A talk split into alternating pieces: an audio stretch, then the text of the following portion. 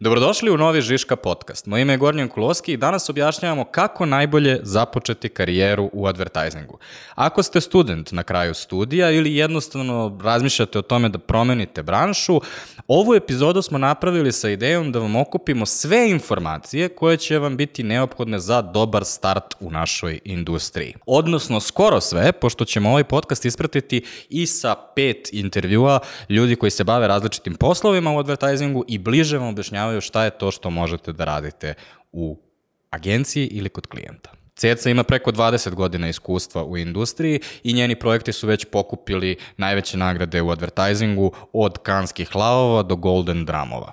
Međutim, Ceca je dobar sagovornik na ovu temu zato što je još od 2016.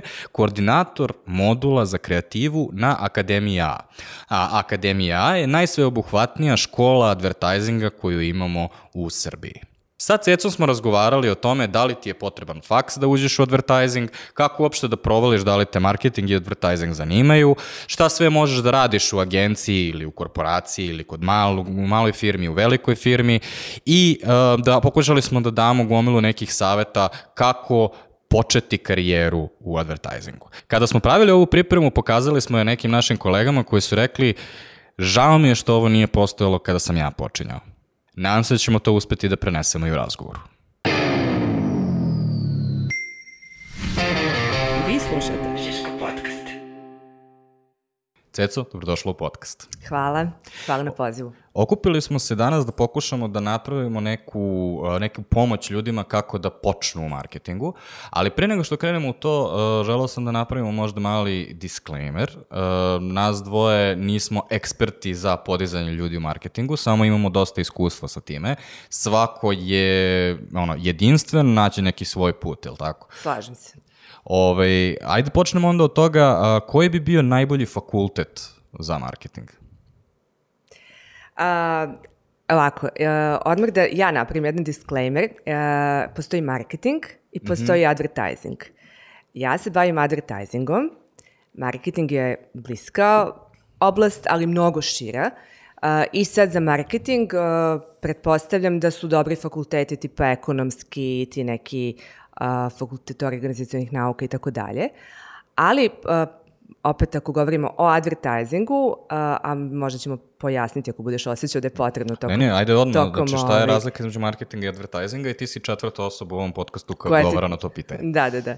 Pa, mislim, ono sad najpojednostavljenije rečeno, marketing znači bukvalno ti, ti se baviš malo i financijama, ti se baviš istraživanjima tržišta, ti se, znači to je više neka kao da kažemo ekonomska kategorija i nauka, dok je advertising komunikacija i on se bavi time kako da nekakve marketinške ciljeve uh, ti ostvariš na tržištu koristeći kreativnost. Eto, sad sam to maksimalno pojednostavila, to je ono, ja se bavim ovim drugim. Ja volim da objasnim ljudima, marketing je u stvari skraćeno od marketing management i ti se u stvari tu baviš managementom, znači ono, bukvalno upravljaš nekim brendom na tržištu, dok je advertising komunikacija. I sad ono što je problem je ljudi često brljaju ta dva i kod nas se najčešće kaže radim u marketingu. Kada sediš na slavi pored tetke, ti ćeš njoj da kažeš ma ja ti radim u marketingu. Ne, redko ko kaže ja radim u advertisingu.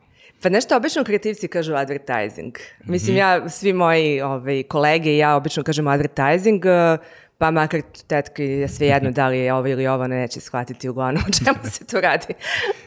Dobro, i um, hajde onda da, da preformulišemo pitanje. Koji je najbolji fakultet za advertising? E, super. To je, uh, dakle, uh, ne postoji fakultet za advertising, Zato što uh, ako govorimo sad uže o kreativcima, a mislim naravno da najkompetentnije sam nekako osjećam da o tome govorim, a, tu je potrebno jako puno različitih veština, talenata i znanja koje ti ne možeš da naučiš na fakultetu, već možeš da nekakve prirodne sklonosti i talente samo isključivo praksom ili nekakvom jako speci, specijalizovanom a, obukom i iskustvom stekneš. A, dakle, ne postoji fakultet, imam jednu super, u stvari, anegdotu koju mogu da ti ispričam da ilustrujem ovu poentu, a, pošto sam se ja, kada je trebalo da upišem fakultet, jako lomila između, ne znam, primjenjene umetnosti, a, pa sam dobro pisala, pa, mislim, sve mi se onako izmešala, uopšte nisam mogla da odlučim šta ću i kao, ajde, najopštije mi zvuči filozofski fakultet, to ću ja, pa ću onda da vidim šta ću. I tako sam ja upisala filozofski i negde na drugoj godini, užasno mi je bilo tamo dosadno, i na drugoj godini sam negde došla mi u ruke knjiga Pretty Woman Dragana Sakana, koju sam ja progutala i bilo u fazonu, čoveče, to je to, jer tu je pisalo kao ako hoćeš da se baviš pisanjem, režijom, uh, društvenim naukama, psihologijom, uh, umetnošću, sve to u stvari ćeš dobiti kroz rad u advertisingu. I, aha, izvini. Kaži. Ove, ovaj, uh, ono što me zanima je kako to da primjeri neki student, um, jer oni ipak su na nekim fakultetima. Šta to znači za njih? Uh, ja mogu da se setim da bukvalno to što govoriš se prevodi u to da ljudi koji, sa kojima mi radimo su završili najrazličitije moguće Tako fakultete. Je. Od fona i ekonomskog koga smo pomenuli, do često recimo ljudi koji su završili psihologiju, uh, jako puno filologa, imamo, mm -hmm. um, FPN-ovci, mm -hmm. ove, koji su uh, trebali biti novinari, ali onda su u nekom trenutku shvatili da ih više zanima marketing i tako dalje. Uh, to praktično znači da ljudi treba da se ne opterećuju tim, važno, super važno obrazovanje, ali bukvalno bilo šta što završite vas ne sprečava da se bavite i da imate jako uspešnu karijeru u advertisingu. To je ono što praktično bih mogla da kažem.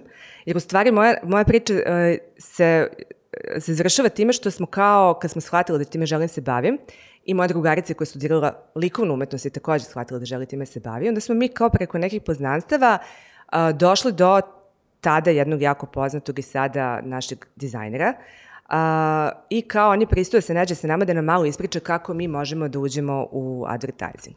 I mi smo se našli na nekoj kafi sa njim i on je rekao, ok, ti kao likovna umetnost, super, ti možeš da budeš dizajner, kao to je cool, većina je tako, A što se tiče, pošto sam je htjela da budem kopija, kao što se tiče kopije, to uglavnom, to je FDU, to su scenaristi, i većinom, i to je to, ja kažem, čekaj, šta znači, ja sam sad sa filozofskim ono, zapečatila. On kaže, pa, jesi. I, wow. da, i, ali zanimljiva je priča, završila u stvari par godina kasnije, bukvalno samo 3-4 godine kasnije, taj isti dizajner mene zvao da pređem kod njegovu agenciju. Mislim, i tako hteo da radimo zajedno. Ovaj, uh, tako da meni to ostalo kao jako zanimljiva priča koja pokazuje, ko, mislim, stvar, ja sam bila očena kad je meni to rekao, bilo sam ono, oh, šta ću da radim sa sobom, ali ovaj, to nema stvarno nikakve veze, evo ja znam divne kreativce koji su završili ATF, mislim, medicinu. Ove, ovaj, pa evo ja sad vrtim uh, film u, našem, u našoj firmi. Uh, Milja koja je kreativna direktorka je završila ekonomiju, a Mimi je završila fon ja mislim. Na, dalje ne smem jer kao ispalit ću se, ne znam kao šta su završili.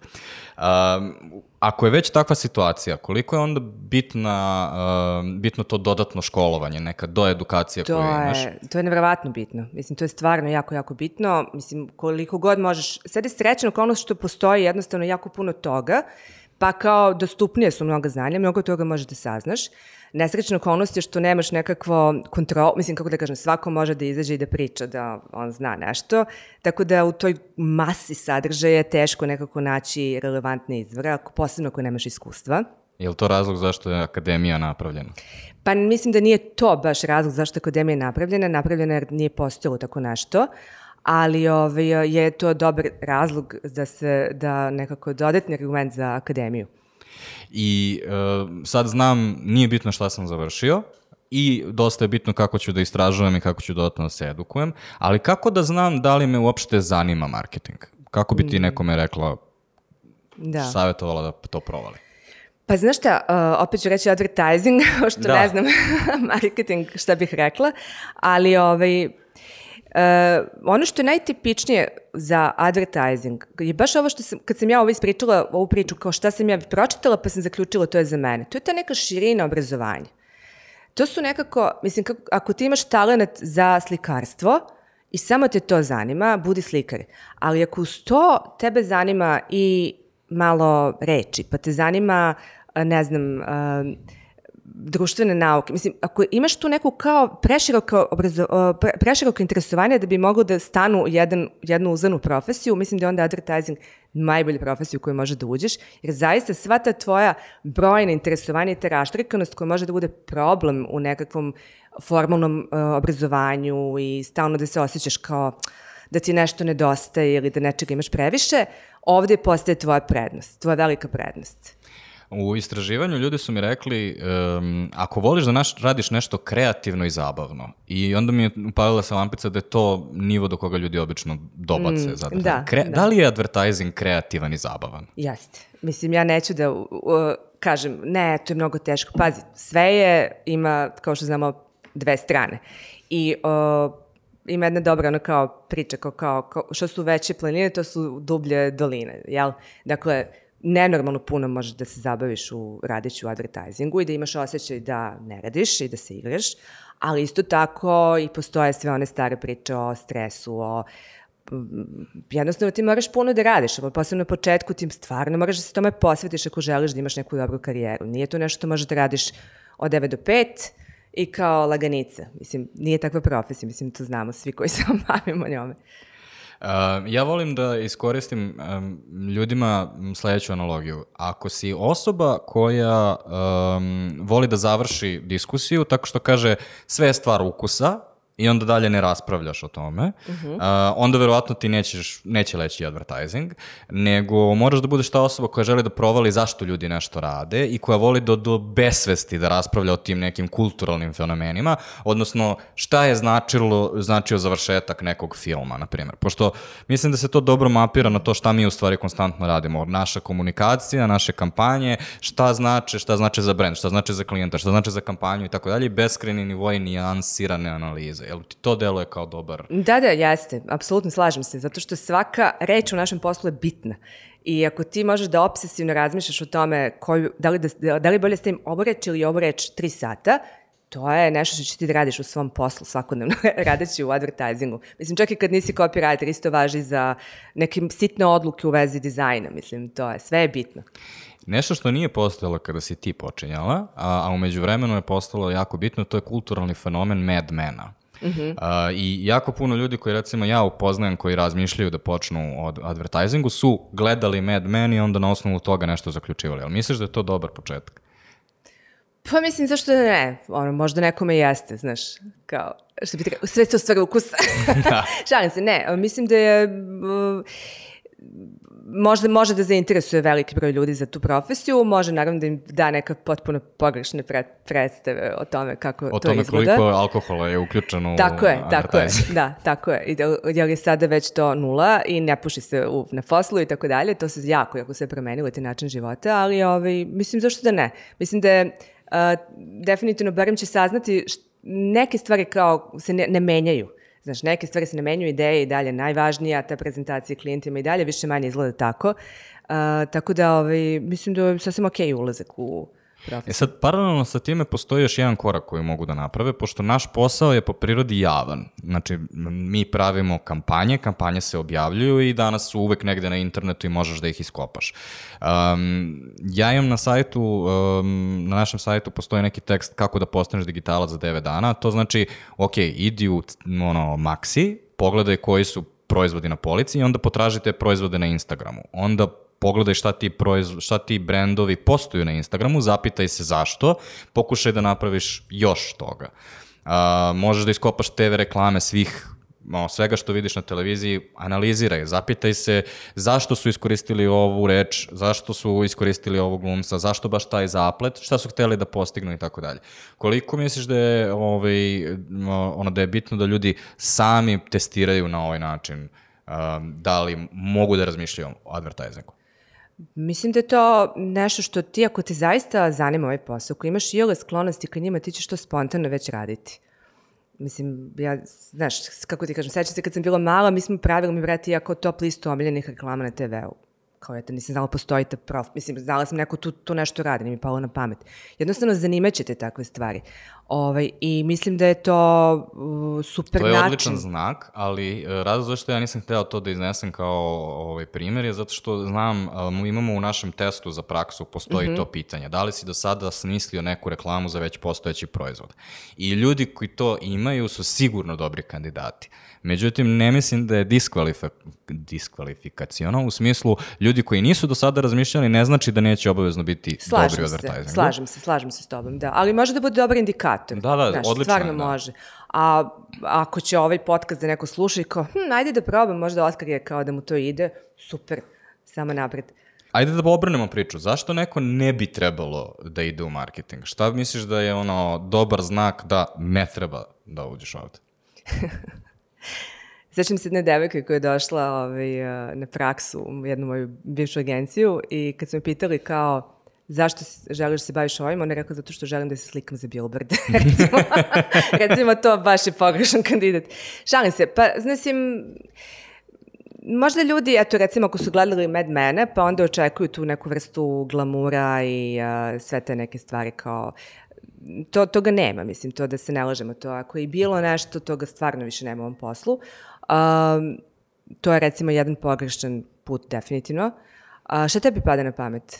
Uh, ja najčešće vidim um, tenziju, zato što uh, advertising je kreativni posao i jedan od redkih e, stabilnih kreativnih poslova koje možeš da imaš. Tako je. Da. Zbog toga privlači uh, ljude koji su kreativci slash umetnici, ali ovo je na kraju kapitalizam i ovo je na kraju radiš za neke brendove i jako puno ljudi dođe, recimo, izgurao taj prvi period od 3-4 godine i onda dođu do neke vrste um, internog konflikta. Da li ja želim u stvari da prodajem, pa sad upiši, šećerni sok ili želim da prodajem cigare. Mm -hmm. Ili želim, nije u stvari na kraju ni bitno šta je u stvari to što prodaju, zato što u suštini oni ne žele da se bave menadžmentom i kao ne žele da imaju taj posao. To je recimo najčešće što ja mm. vidim da ljude blokira. Ne znam koliko ti imaš taj utisak. Pa meni je to što ti govoriš povezano sa pitanjem uh, cinizma, mm. znaš, koje je pogubno za, za naš posao, apsolutno. Znaš, i nema ništa gore od ljudi koji rade naš posao, a imaju neki taj ciničan stav kao, sad da ne nabrajam šta sve to može da bude, pa čak i taj kao čemu sve ovo i ovo što ja radim je, pa onda upiši, mislim. Uh, I naravno da ovo jeste, dakle ti de facto radiš to da pomogneš da brendovi ispričaju svoju priču i dođu do velikog broja ljudi i da ta priča rezonira sa njima. Ali ovaj, to je jedan način gledanja na stvari. Znači ima ona super, uh, super ona fraza kako se uzme. E sad, mm. ako tako uzmeš, to je to. Ali možeš da uzmeš i na drugi način. Ja volim na taj način da uzimam ovaj posao. A to je da, da ti kreiraš nekakve priče koje po, imaju zaista veliku moć da pokrenu preokrenu neke biznise, da pokrenu i preokrenu načine ponašanja ljudi, načine koji doživljavaju stvari. Dakle, ima i ovoga, ima i ovoga. I na tebi je, kao kreativcu ili akauntu ili šta god, da si vlasnik agencije, da odlučiš kao kako ćeš koristiti to svoje, svoje talente, svoje vreme i svoje ljude na kraju, u kom pravcu ćeš želeti da ideš. Tako da ovaj, slažem se s tobom da to postoji, ali onda ako, ako ćeš da uzmeš na ovaj prvi način, da stvarno, mislim, ok, sasvim da se predomisliš i da izađeš iz posla, ali ja mislim da je negde dužnost svih nas koji smo u ovom poslu da budemo svesni toga da mi stvaramo nekakve javne sadržaje, javne glupo mi reći sadržaj, ali nešto što se nalazi u javnom prostoru, dakle poruke koje mi šaljemo odlaze u javni prostor i da budemo svesni šta radimo. Znaš, I ta etika našeg posla je jako, jako važna. A, pomenula si da kada si ti po, ovaj, se prvi put prijavila za praksu, da se prijavilo još 600 ljudi. Da.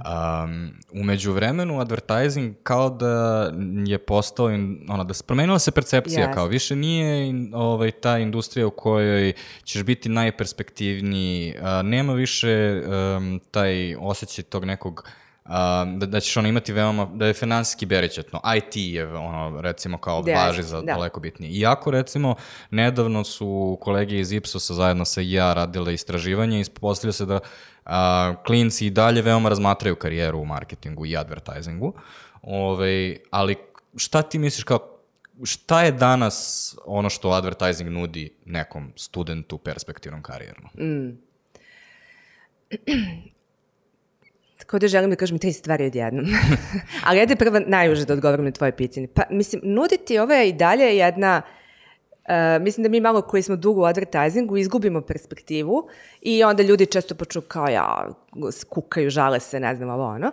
Mislim da često izgubimo perspektivu koliko ovo je jedan u stvari uh, de facto jako, jako zanimljivi posao i lep posao. Tebe plaćaju da nešto smišljaš. Znaš, ono, zbog čega si kao mala ili mali dobio kaznu i kao i pravi upada u problem u školi, što si nešto stalno smišljao, sad dobiješ novac za to i kao to, to ima uticaj na, na druge ljude.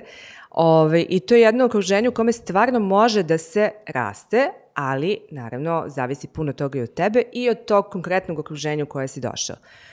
Ove, mislim da i dalje on jako puno pruže baš to, naš kreativnim ljudima mogućnost da lepo žive od svoje kreativnosti. Uh, I ono što je po meni u advertisingu isto jako, jako dobro je ta, dakle, baš ta nespecializacija. Ma koliko ti je bio specializovan da si, naravno imat ćeš neku ulogu u toj agenciji, ali ti ćeš biti prinuđen da neverovatnu veliku količinu stvari učiš iz raznih oblasti i to je jedan jako veliki rast. Jednostavno, to je neka širina koju redko koja profesija daje. Um, sad, taman si mi dala šlagvort sa ovom širinom, ali sad želim da nas vratim nazad u silose, zbog toga što uh, mi sve vreme pričamo o advertisingu, i um, ono što mislim da jako malo ljudi razume dok ne krene da ono, istražuje šta ti u stvari u advertisingu možeš da radiš. Mm -hmm. uh, šta su sve opcije? Dobro, uh, znam da imaš negde neki spisak da nas podsjetiš. pa hajde počnemo od toga, znači klijenti ove, se u stvari brave nečim što se zove brand management i to bi bilo bliže marketingu Tako nego advertisingu. Tako je, to je to, da. I to je, ono, da pre, pojednostavimo, ti dobiješ, um, recimo, uh, kiko kolica, ne znam zašto sam ovo smislio, Ove, I uh, onda uh, si zadužen za to da um, prodaš 100.000 tih kolica i da margina na tim kolicima bude tolika i ti na kraju osmišljavaš šta su strategije, distribucije i tako dalje u, sad u zavisnosti od toga kako je organizovana kompanija, to može da izgleda drugačije, ali u suštini ti vodiš taj brand i to se zove brand management, je li tako? Da, i to je posao, kao što si rekao, na strani klijenta. A onda imaš agenciju mm -hmm. i tu takođe imaš različite opcije.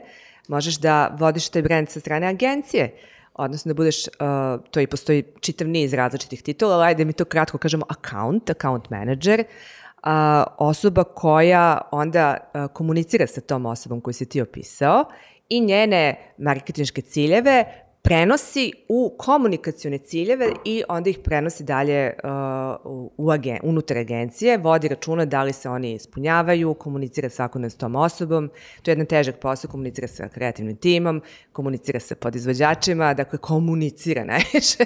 Meni čini je to najveći, najveći opis posla jednog akaunta.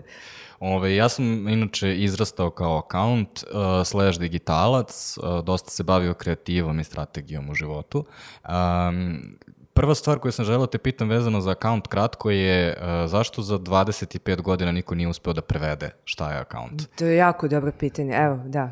Mi smo recimo preveli kao management projekata na kraju, uh, zbog toga što mislimo da je, znači ta Mad Men era je bila trenutak kada si ti držao nekog vlasnika velikog biznisa za ruku i on je verovao tebi lično. Mi danas radimo ono sa veoma kompleksnim timovima, postoji ono pet ljudi sa strane klijenta koji se bavi marketingom, ono CEO da, je dosta da. daleko. Uh, I onda mi u stvari imamo projekat koji svi zajedno menadžujemo. To nam je neka ta kao promena logika koju pokušavamo i da, da implementiramo i zato nam je to ono prirodniji uh, a, prevod. Mi to zovemo, izvini, vođe projekta isto nekad, što je još kao prevedenije malo, ali ovaj, to je to. Može, uh, ovaj, s time što vođa ima sad tu i neformalnu, ovaj, tako da slažem se, um, ali ono što sam htio da te pitam je, um, da li ti imaš osjećaj da je account menadžerima jako teško da opišu sobstveni posao? Reći ću ti zašto. Ja kada sam pokušavao mm -hmm. da pišem, na primjer, opis posla za ovaj, Infostud mm -hmm. ili kada sam ovaj, radio ne, ne, neki opis posla na, za nas interno, uvek počne onako, ja dođem na posao i skuvam kafu i onda otvorim mailove. A u stvari to što ti radiš kao account manager nije to Kao, nije samo da je komuniciraš, ti u stvari organizuješ taj projekat. E, konstantno um, ono, donosiš odluke koje pomeraju taj projekat napred. Sarađuješ sa svim timovima da omogućiš da se išta desi, jer ono što sam ja zaključio posle ono, 12 godina u ovom biznisu je praktično je fenomenalno da se ikada išta desi kada sakupiš 10 ljudi na jednom mestu. Jeste, jeste, jeste, tačno. I mislim da, ne, da se ne lažemo, nekako ako nešto agencija ne uradi kako valja, ti ćeš biti kriv. Ako su kreativci jako nerviraju što klijent ne razume šta su oni smislili, ti ćeš biti kriv. dakle, to je jedna jako zahtevna pozicija. Ove, pa, uh, znaš za ovaj um, profil klijent je uvek u pravu. Naravno, da. A, ne znam da li si primetila, ali on je jako često, u stvari, kao i naziv profila je takav da je u stvari on se bavi akauntima. Kao nije samo klijent problem, nego je problem što neko klijentove reči prenese loše Da, kreativci. Ali kad smo već kod kreativaca, to je, ovaj, da li možeš onda da ljudima da objasniš šta je copywriting, a nema veze sa copyrightom i uh, mm. autorskim pravima? Copywriter je osoba koja smišlja ideje, I to uvek kažem prvo, zato što postoji ono drugo shvatanje da je copywriter neko ko piše slogane.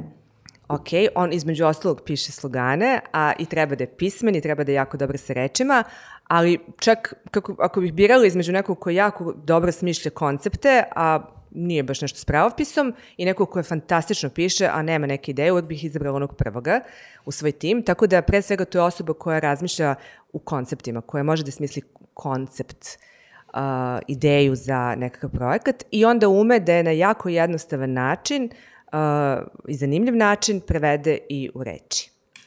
Um, hajde da pokušamo ljudima da uh, damo primer da mogu da zamisle. Um, ovaj, recimo, ovaj, kad si rekla da ne mora da bude najpismenije, setio sam se to kume kao šta copywriter radi u toj čuvenoj reklami gde ovaj, jezda daje svoj uh, ključ od automobila ovaj, i onda kažu to lave. Šta radi jedan copywriter na tome?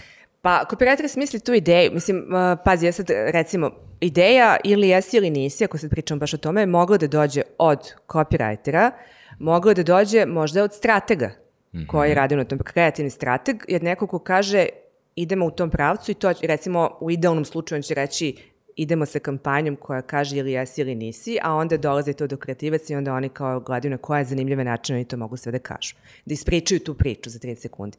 Copywriter je dakle možda, ako je to dobio od uh, svog stratega, onda smislio šta se dešava, on je bukvalno smislio taj spot i smislio je šta ko kažu ko momentu i sve Da li ove mogu ovako da pokušam da naslikam? Znači, uh, oni su verovatno počeli od toga šta znači biti love. Jel tako, ta reklama je vjerojatno počela od toga. Da. I onda bi strateg bio u fazonu uh, došao do nekog trenutka, uh, lav se pokazuje u onim trenucima kada, um, ovaj, u, u nekim odsudnim trenucima. Znači, ne svaki dan, nego jednom u pet godina se desi neki to na trenutak i to je trenutak kao kada uh, moraš da se probudiš u tri ujutru da nekoga dovedeš uh, koje se, kome se pokvario auto ili sad navedi neke situacije mm -hmm. i onda ti objasni šta je to.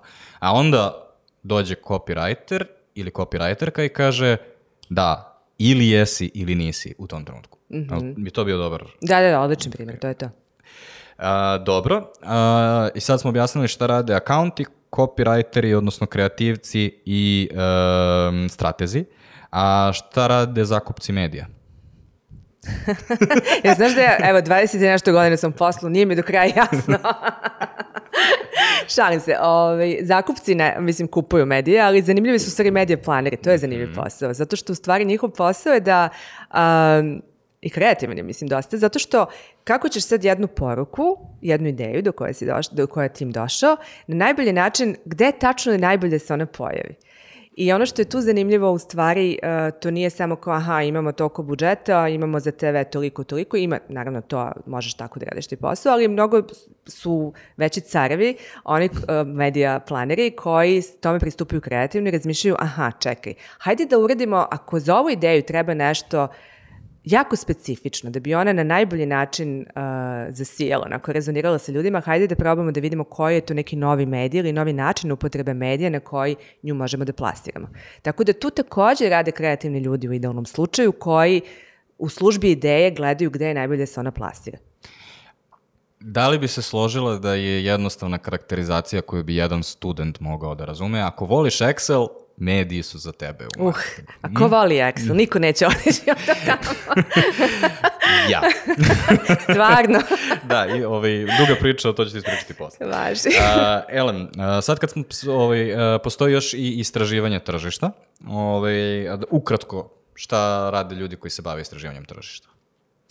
Pa, ukratko, mislim, dakle, oni na neku, od, gledaju nekakve tendencije, ću kao sociolog da ovde malo udavim, čekaj da pojednostavim. Znači, evo, hoćeš da plasiraš nekakvu novu uh, novi proizvod, novi brand ili inovaciju na brendu i oni će ti reći, da će ti feedback sa tržište, reći, aha, ok, stvarno se pojavljuje sve veće interesovanje za tako i nešto. Znači, ljudi sve više žele da počnu da se zdravo hrane. Ljudima treba bla, bla, bla, neće više da rade 12 sati dnevno. Znači, pokazuju ti nekakve tendencije koje mogu da budu relevantne u, u donošenju tvoje odluke da li ćeš sa nečim da ideš ili nećeš da ideš. Eto, krajnje podnostavljeno. Mnogo bolje nego sociološko objašnjenje. Ali, uh, Um, sada smo objasnili tih nekih 5-6 uh, osnovnih stvari koje možeš da radiš u advertisingu, ali u stvari nismo ti objasnili šta ti možeš zaista da radiš, zbog toga što stvari su dosta komplikovanije, jer svaka agencija je različita i postoje različiti tipovi agencija i čime se mi u stvari bavimo, pa onda ti možeš biti account manager u advertising agenciji, u digital agenciji, u PR agenciji, event agenciji, mislim da i u istraživanjima ovaj, postoje isto account manager, ili tako? Da. Kako ljudi... Ono, da kako pojednostavimo da. stvari. da pojednostavimo stvari 5 puta 5, imate 25 da. mogućih opcija. Jesi ti rekao da volim Excel? Elem, ovaj, kako bi ti to ljudima pojasnila kao, ok, šta, kako se razlikuje svi ovi poslovi u zavisnosti od agencije? Pa, mislim, to je jednostavno stvar specializacije. Sve to zajedno jeste advertising ali ovaj, u okviru jedne advertising agencije ti ćeš se baviti, ako dođeš u advertising agenciju, i digitalom, i pravit ćeš spotove, i pravit ćeš billboarde, i smićeš neke new media, i smićeš promocije. Međutim, onda postoje, to su naravno onda velike agencije, to je uglavnom model agencije koji je ranije dominirao, Međutim, uh, postoje jako puno i sve veći broj manjih agencija koje se obično specializuju. Dakle, digital agencije kao tvoja, pre svega, zatim postoje BTL agencije, PR agencije, dakle, koje uzimaju jedan, jednu medijsku, da kažemo medijska specializacija više nego bilo šta, i onda su specializovani za tu određenu vrstu medija, pri čemu moramo reći da je suština i dalje uvek ista. Bez obzira da li ti smišljaš PR kampanju, digital kampanju ili kampanju ili TV spot, uvek ista potpuno taj tok isti misleni procesi iza, samo je na kraju ta, uh, to u što ćeš tu ideju upakovati drugačije. Ali e, ipak je naš vibe, dakle da krstim, malo drugačiji. Uh, digitalci su po prirodi stvari jeli, mlađi, luđi, uh, PR-ovci zakopčani, ozbiljni, uh, eventovci uh, su najluđi zato što moraju da glave do 3 ujutru, jer event je uvek do 3 ujutru i tako dalje. Um, ovaj, advertajzeri su um, ovaj, opet možda naj, najizraženije kreativni u standardnom nekom smislu. Jel, mm. jel bi mm. rekla da, su, da je to fair karakterizacija? Pa dobro, to je ono, e, kako da kažemo, stereotipizovanje koje je -hmm. uvek zasnovano na nekakvim iskustvenim ono, uopštavanjima, tako da da, može to da se kaže. Jeste dosta fair, ali nije, nisu to pravila, dakle nije zadato i super je da imaš neku PR agenciju koja je jako kreativna i mlada, jer može da bude, jer to može da bude stvarno jako, jako kreativno i nimalo zakopčano, kao što, mislim, postoje verovatno dosadne digitalne agencije, ono, pretpostavimo. Um, na šta smo propustili? Šta? Uh, produkciju i dizajn. Tako je. Ove, ovaj, sad razlog zašto sam ih ja propustio je zato što mislim da ljudi koji ulaze u dizajn su jako često već uh, upućeni i školovanjem i interesovanjima i nekako znaju da žele da se bave dizajnom. Pa mm -hmm. onda jednostavno naprave još jedan dodatni korak dizajnom u agenciji za advertising. Tako Jel misliš da je to fair? Da, tačno. To je, da kažemo, od svih ovih zanimanja koje smo mi sad nabrojali, možda zanimanje koje ima jedino jednu zaista školu, ono, univerzitet uh, zvanični koji ti sprema u velikoj meri za to, s tim što, uh, naravno, nije to baš tako, dosta je to drugačije kad ti uđeš u agenciju, ali eto, imaš ipak nekakvu podlogu, imaš nekakvu smerenje, kao znaš kude ideš. I poslednji su, znači, producenti, ljudi koji u stvari organizuju snimanje reklama i onda cela ta ekipa koji um, najčešće dolaze sa FDU, ja bih rekao, da? Jeste. Tamo čak postoji uh, Smer. i smer za to.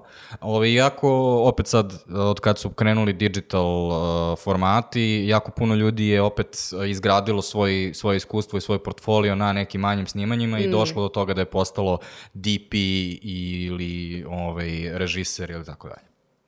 Da, i oni često, i postoje producenti koji se bave događajima, eventima, i to je isto, mislim, veoma jedan zahtevan posao.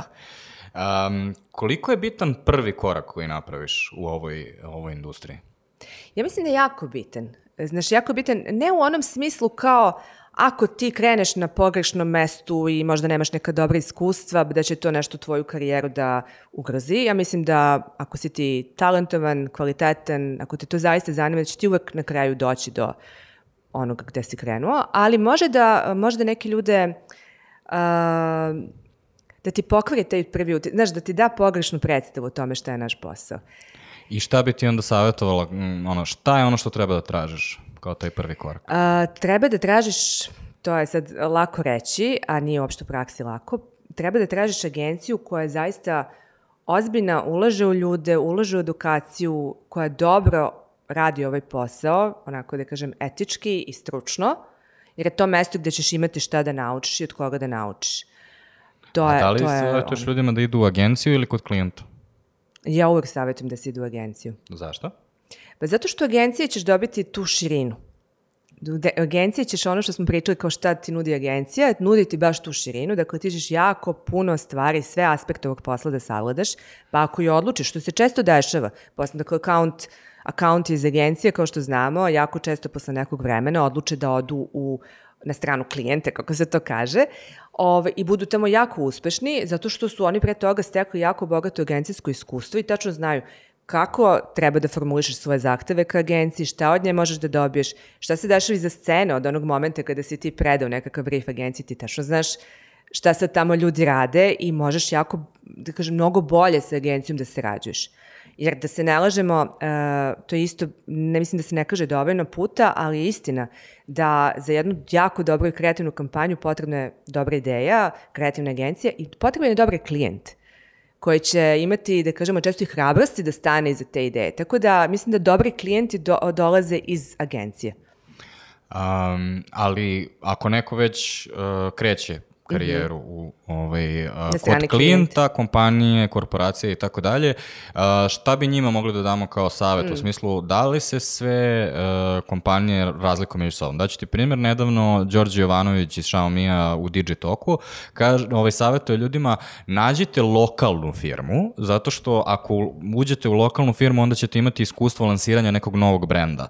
Ako uđete u korporaciju koja je internacionalna, onda će verovatno sve, svi razvoj proizvoda će dolaziti sa globala i onda ćete samo implementirati. Nećete imati tu slobodu da nešto uradite. Jel misliš da je to dobar savet? Da li postoji još nešto što ljudi treba znati? Pa, mislim, s obzirom da on ima iskustvo u toj oblasti, vjerojatno može da da dobar savjet. Ja stvarno nisam nikad radila kao na strani klijenta, niti me zanimalo, pa ne znam.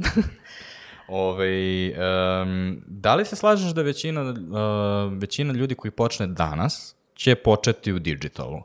Uh, nekako community manager, odnosno management društvenih medija, kako se to zove kod nas, postoji sada u svakoj agenciji, potrebno je jako puno tih kadrova, uh, to je uglavnom jednostavniji posao i onda ljudi jako često počinju kao to. Jel misliš da je to fair uh, procena? to je dobra, dobre su šanse da će to biti vaše prvo iskustvo zaista ako u agenciju, da. Ove, a, na primjer, kada googlaš kako da počneš karijeru u marketingu, što sam kao ja radio da bi pripremio ovaj podcast, um, dobit ćeš u stvari 10 linkova kako da počneš karijeru u digital marketingu. Kao, ne možeš da nađeš kao kako da počneš u advertisingu ili u marketingu. Um, da li misliš, ono, kao koliko je to dobar početak za, za nekoga?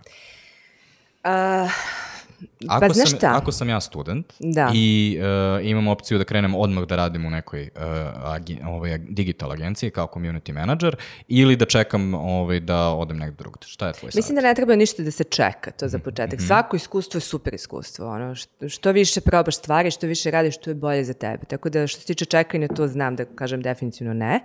Ali ovaj, je ono što se dešava i što recimo sa čim se često suočavamo je kao, na primjer, tražiš copywritera, Prijavljuju, ti se ljudi koji su isključivo imali iskustvo u digitalu, Uh, I to iskustvo tipa pisali su captione, smišljali su nekakve male rilove i tako dalje.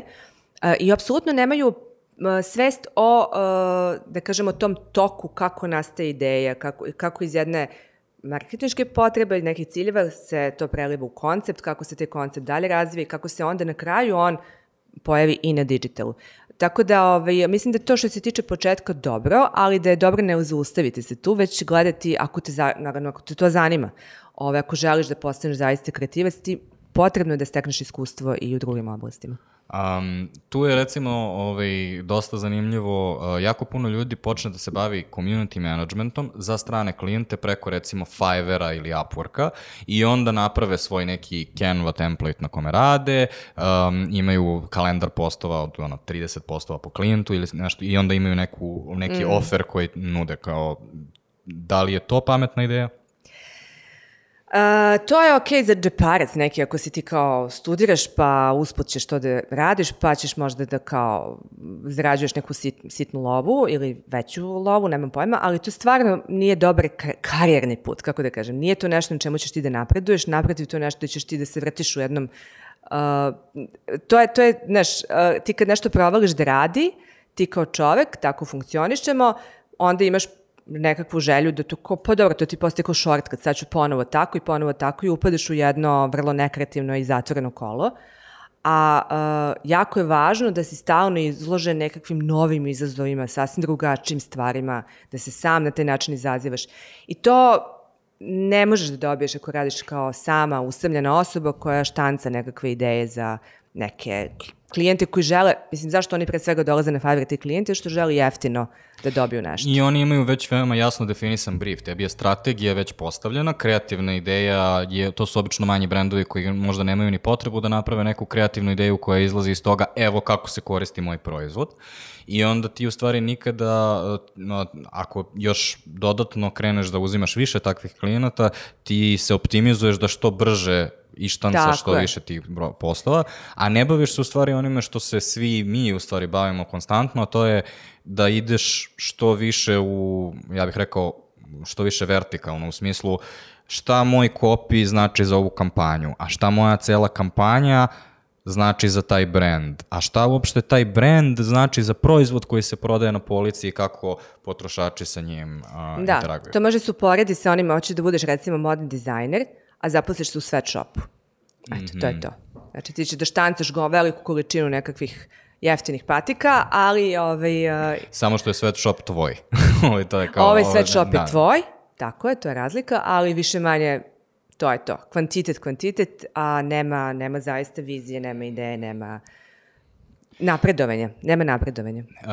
E sad, e, recimo da smo ljudima objasnili šta traže, znači došli smo do tog nekog mm -hmm. trenutka, e, imaju dobru ideju da žele da budu, ne znam, account management ili e, kreativci i rekli smo im da je, ovaj, ono, šta je dobar prvi korak na šta treba da ciljaju, međutim rekli smo im takođe pre toga da bi bilo dobro da se edukuju sami pre toga, a, tako da št, ono, kako neko danas može da, da se edukuje, to su uglavnom kursevi, kao kako bi ljudima naslikala šta su sve opcije koje postoje, zašto su dobre i na što treba da obrate pažnju? Uh, ovako, najbolja edukacija, uh, mislim, vratit ćemo se na kraju na akademiju, to mi je jasno i o tome jedva čekam da pričamo, ali ovaj, na akademiji je nastala zato što nije postojala takva vrsta edukacije kod nas. Uh -huh. uh, I takva vrsta edukacije je neophodna da bi ti zaista onako na velika vrata ušao ovaj posao. A, kursevi koji postoje, recimo uopšte, moram da priznam da sam veliki protivnik a, tih nekakvih, a, ne verujem možda u te kurseve o copywritinga ili kurs ovoga ili onoga, zato što mislim da ti posao naš ne može da naučiš na kursu.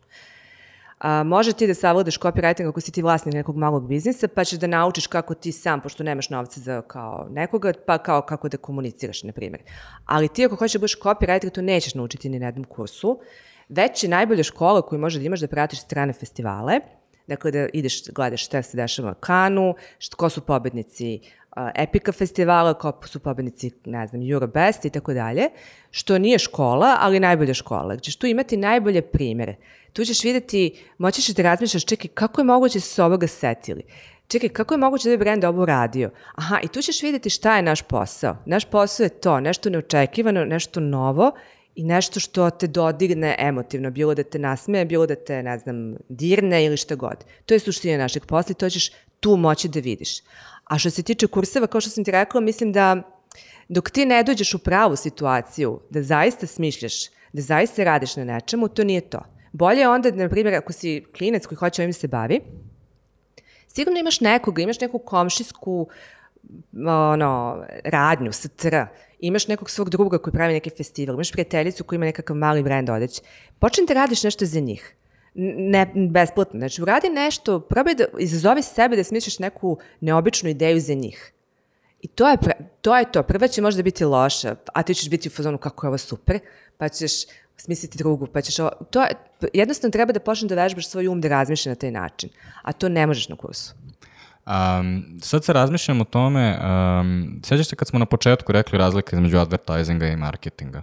Da li advertising može da postoji samo za velike brendove? I onda kada mi damo taj savet počni uh, da sa nekim malim biznisom, recimo jako puno ljudi počne sa nečime kao što je Google Fundamentals i onda ili ovaj Facebook Business Manager. Nauče kako da puštaju oglase i to je recimo ako imaš lokalnu teretanu ili lokalni frizera mm.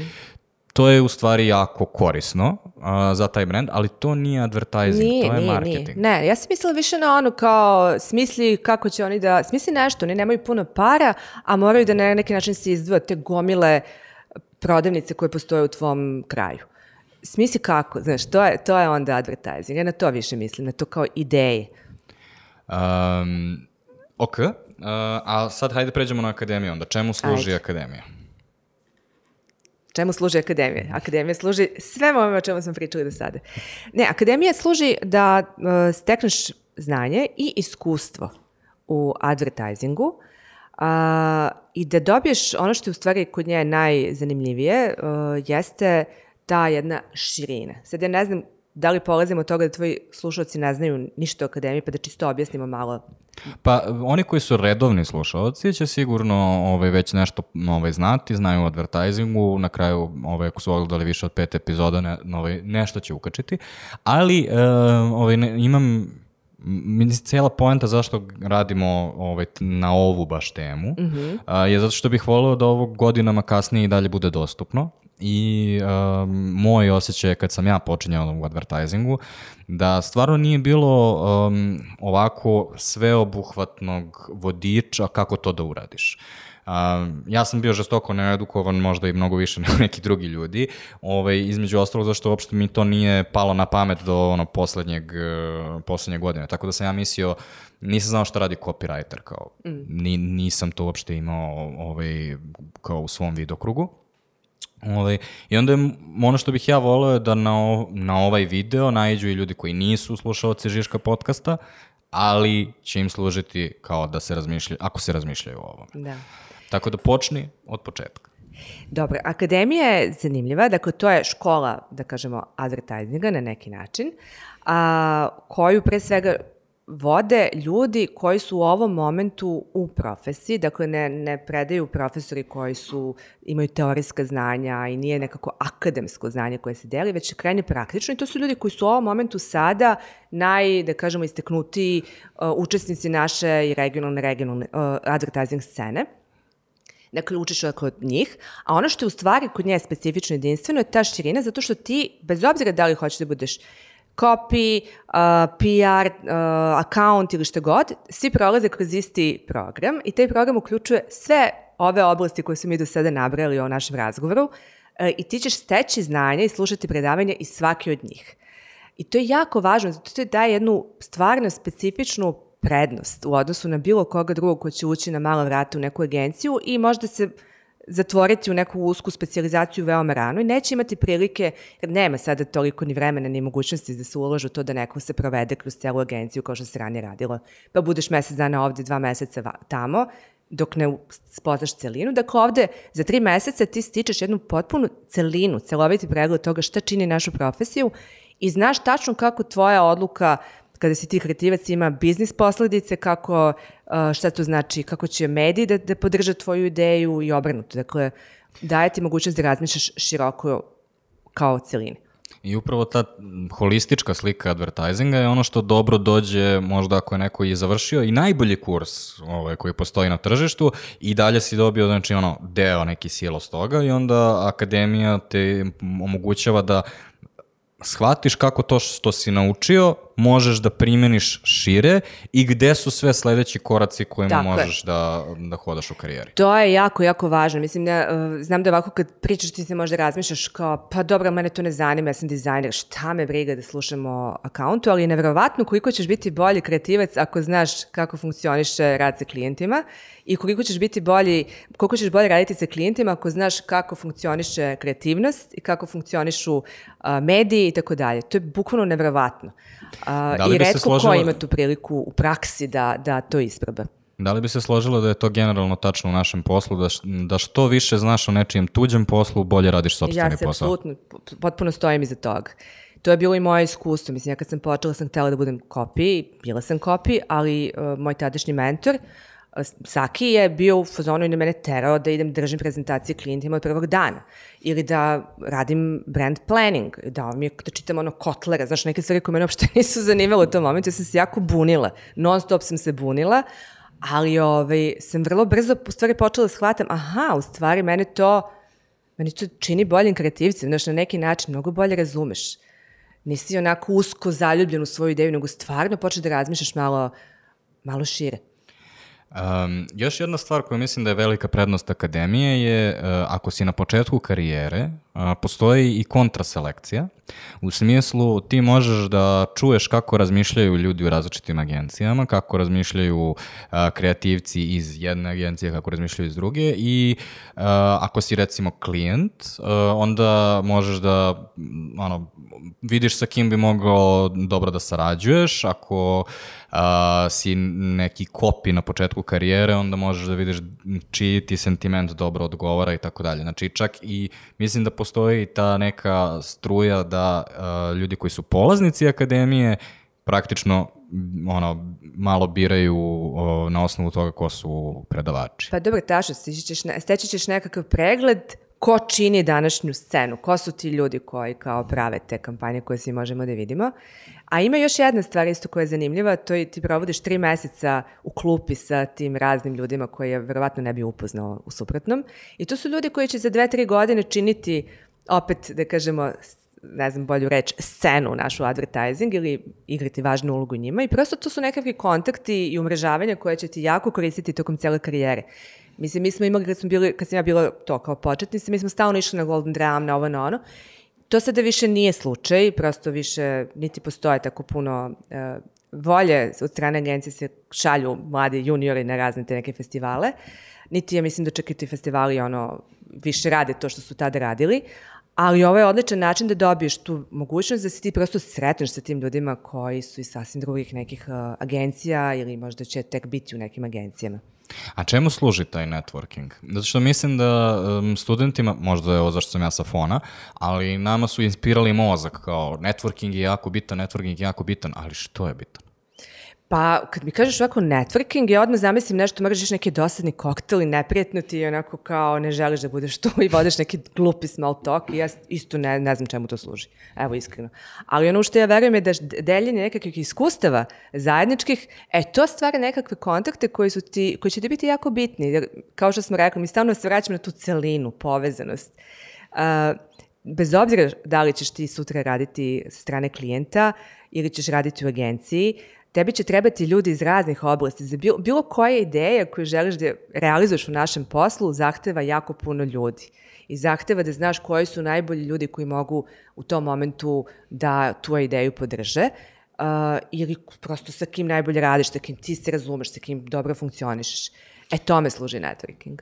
A, sa jedne strane da, sa druge strane veoma je karijerno zahvalno zbog toga što um, ovaj, mala smo industrija u stvari i onda najčešće kada ljudi promene posao i pređu na bolji, neko ih je već preporučio, neko ih već zna i taj network postaje isto tako ovaj, dosta bitan. Ljudi u našem biznisu dosta često sarađuju sa uh, ljudima kojima veruju. I sad, Naravno, da, da. To i ponekad ono, kreira i teorije zavere u smislu ljudi se drže zajedno. Ne, nego jednostavno ti osetiš da um, način na koji neko radi ti prija, zbog Yes. toga se zbližite, skreirate poverenje i onda na kraju iz toga izlazi kvalitetan rad. Tako je, da.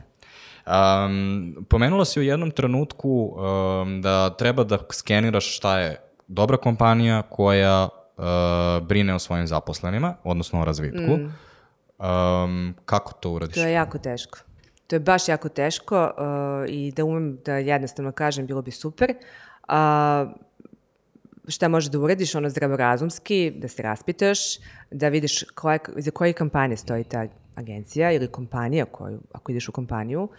A, mislim, sreće pa smo mi ono ne, relativno mala sredina, pa se dosta toga može saznati ono, ako okreneš nekoliko telefona ili popričaš s nekoliko ljudi, čućeš nešto ko zna nekoga ko ima neko iskustvo. Sad ja ne kažem da treba slušati te glasine koje vratno postoje oko svake agencije, ali ovaj, da- dajte dosta dobru indikaciju. Uh, m, dobra indikacija je da koliko ljudi ostaju u nekoj agenciji. Znači, ako se jako puno ljudi uh, vrti, odnosno odlazi iz te agencije, nešto tu verovatno nije baš ok. Agencije koje us- zadržavaju svoje ključne ljude dugo vremena, to je recimo nešto što je dobar znak.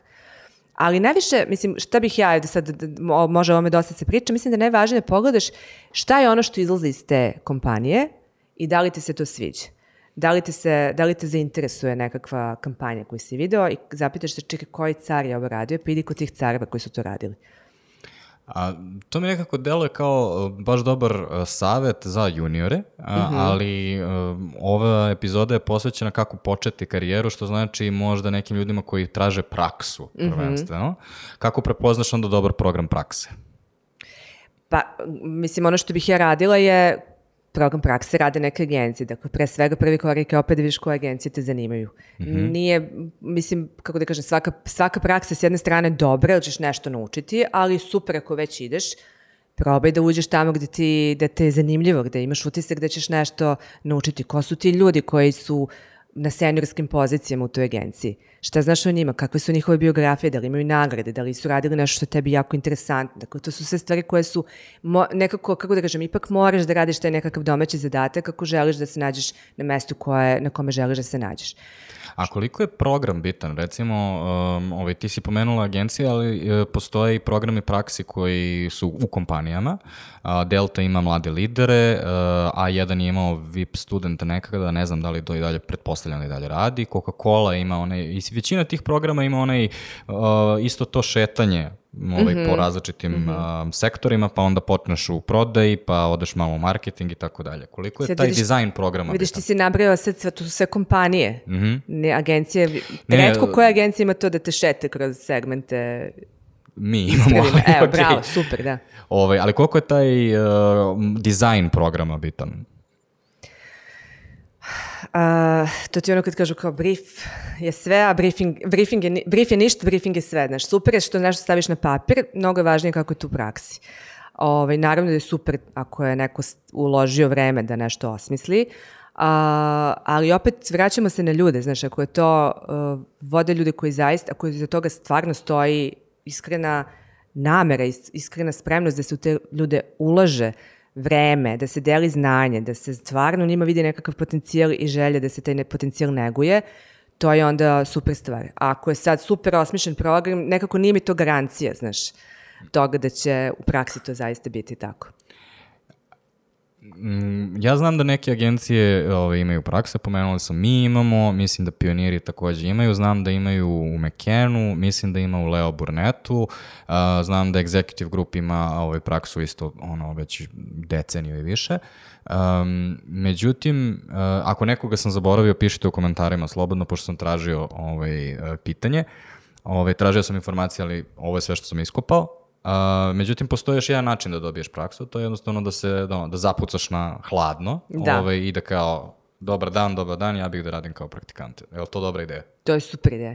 To je super ideja i svaka pametna agencija drži otvorena, ono, očkrinuta vrata za takve ljude, jer uh, nikada ne znaš uh, ko će ti pokucati na vrata i nikada ne znaš šta ta osoba u sebi krije, koje potencijale. Ja sam veliki povrnik toga da se daju šanse svima, kod god je to moguće i mislim da većina agencija, kako da kažem, ako nešto pošlješ zanimljivo, ako se predstaviš na interesantan način, što je opet do tebe, do tvoje kreativnosti, redko koja agencija će to odbiti. Znaš, svima trebaju, ipak, znaš, ma koliko ne tražili u tom momentu nove ljude, svima, svi hoće da budu kod njih neko ko je zanimljiv, ko obećava, ko može nešto novo da donese. Ja bih ipak savjetovao ljudima da ako idu tom rutom, da se baš naoružaju strpljenjem, a razlog zašto je zato što su mene odbili u 24 agencije Ovaj, odnosno ja sam i bio taj koji je tražio Cold tu praksu. calling, aha. A, I postao sam mail na 24 agencije i dobio sam tri odbijanja i ovaj, 21 ništa. Ove, ali u stvari kad radiš cold calling, onda je to nekako i to je u stvari očekivani ratio, ja mislim. Ove, I sad jeste naporno da skockaš CV, jeste naporno da svakome napraviš posebno propratno pismo i tako dalje, ali u zavisnosti od toga kako je ono tržište rada, ove, nekada je to neophodno. Mislim da je to takođe bilo kada sam ja počinjao, ove, opet je bilo dosta teže ovaj, započeti karijeru. Mislim da danas postoji mnogo više opcija i da ovaj, je kvalitetan čovjek mnogo više potreban nego kad sam ja ovaj, ulazio, ali da, moj savjet bi bio ljudima naoružajte se strpljenjem ako Strpljenjem, ok, ali kreativnošću, zato što je velika razlika da li ćeš poslati mail o, koji kaže dobar dan, ja sam taj i taj, ja bih jako želeo da počnem karijeru u vašoj agenciji, tih mailova dobiješ hiljade, Uh, nije baš hiljade, nije hiljade, pretarala sam, dobiješ ih dosta, ali ovaj, sasvim drugačije ako dobiješ nešto, znači razmišljaš o tome, to će dobiti neki čovek. Kako tog čoveka da ja uh, dodirnem, zabavim, da šta će se, na, kako na najzanimljiviji način ja tu osobu da angažujem. Znači ti tog momenta počneš da radiš svoj budući posao. Tog momenta kada treba da pošliš taj mail.